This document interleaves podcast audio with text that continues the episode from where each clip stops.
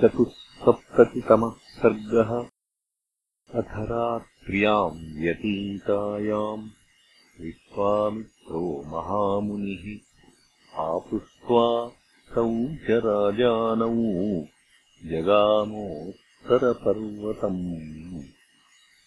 आशीर्भिः पूरयित्वा च कुमाराश्च स राघवान् विश्वामित्रे गते राजा वैदेहम् मिथिलाधिपम्। आपृष्ट्वाथ जगामासु राजा दशरथः पुरीम्। गच्छन्तम् तन्तु राजानम् अन्वगच्छन् नराधिपः। अथ राजा विदेहानाम् ददौ कन्याधनम् बहु।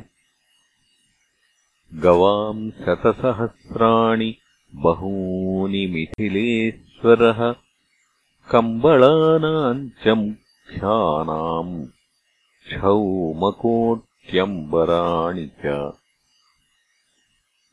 हस्त्यश्वरथपादातम् दिव्यरूपम् स्वलङ्कृतम् ददौ कन्यापिता तासाम् दासीदासमनुत्तमम्।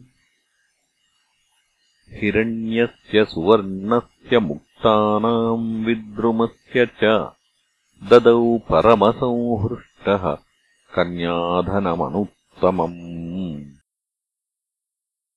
दत्त्वा बहुधनम् राजा समनुज्ञाप्यपार्थिवम् प्रविवेशस्वनिलयम् मिथिलाम् मिथिलेश्वरः।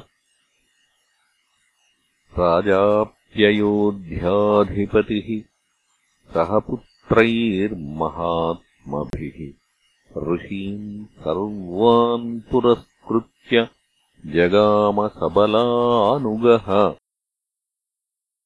गच्छन्तम् तम् नरव्याघ्रम् सर्षिसङ्घम् सराघवम् घोरा स्म पक्षिणो वाचो व्याहरन्ति ततः ततः।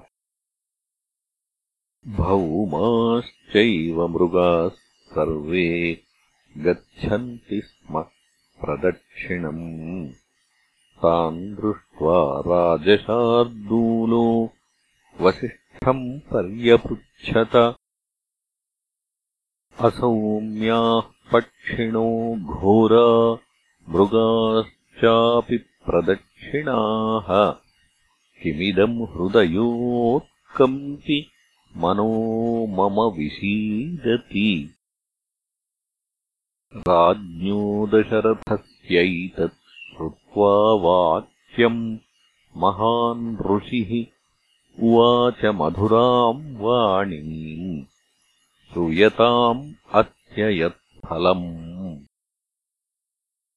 उपस्थितम् भयम् घोरम् दिव्यम् पक्षिमुखाच्युतम्। मृगाः प्रशमयन्त्येते सन्तापः यद्यतामयम् तेषाम् संवदताम् तत्र वायुः प्रादुर्बभूवः। कम्पयन् पृथिवीम् सर्वाम् पातयंश्च द्रुमान् शुभान्। तमसा संवृतः सूर्यः सर्वा न प्रबभुद्विषः। भस्मना चावृतम् सर्वम् सम्मूढमिव तद्बलम्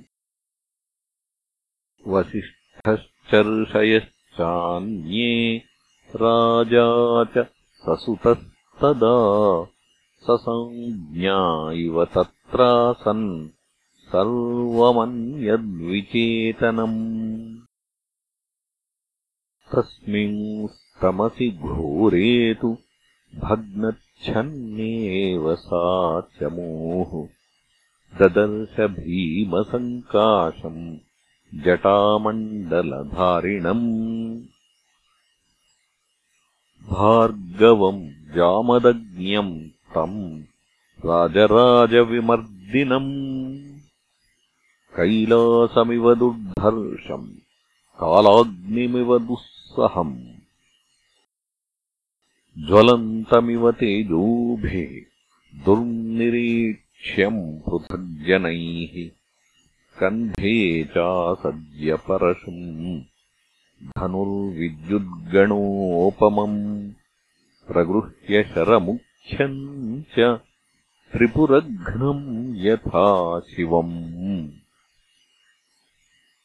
तम् दृष्ट्वा भीमसङ्काशम् ज्वलन्तमिव पावकम्।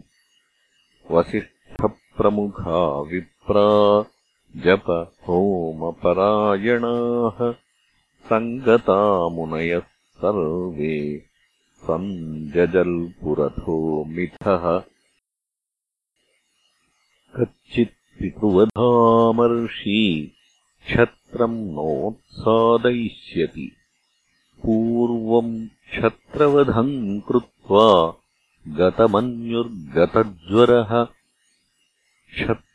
क्षत्रस्योत्सादनम् भूयो न खल्वस्त्यचिकीर्षितम्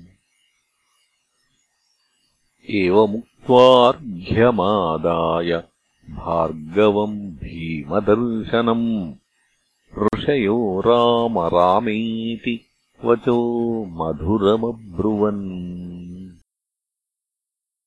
प्रतिगृह्यतु ताम् पूजाम् ऋषिदत्ताम् प्रतापवान्। रामम् दाशरथिम् रामो जामदज्ञोऽभ्यभाषत इत्यार्षे श्रीमद् रामायणे वाल्मीकीये आदिकाव्ये बालकाण्डे चतुःसप्ततितमः सर्गः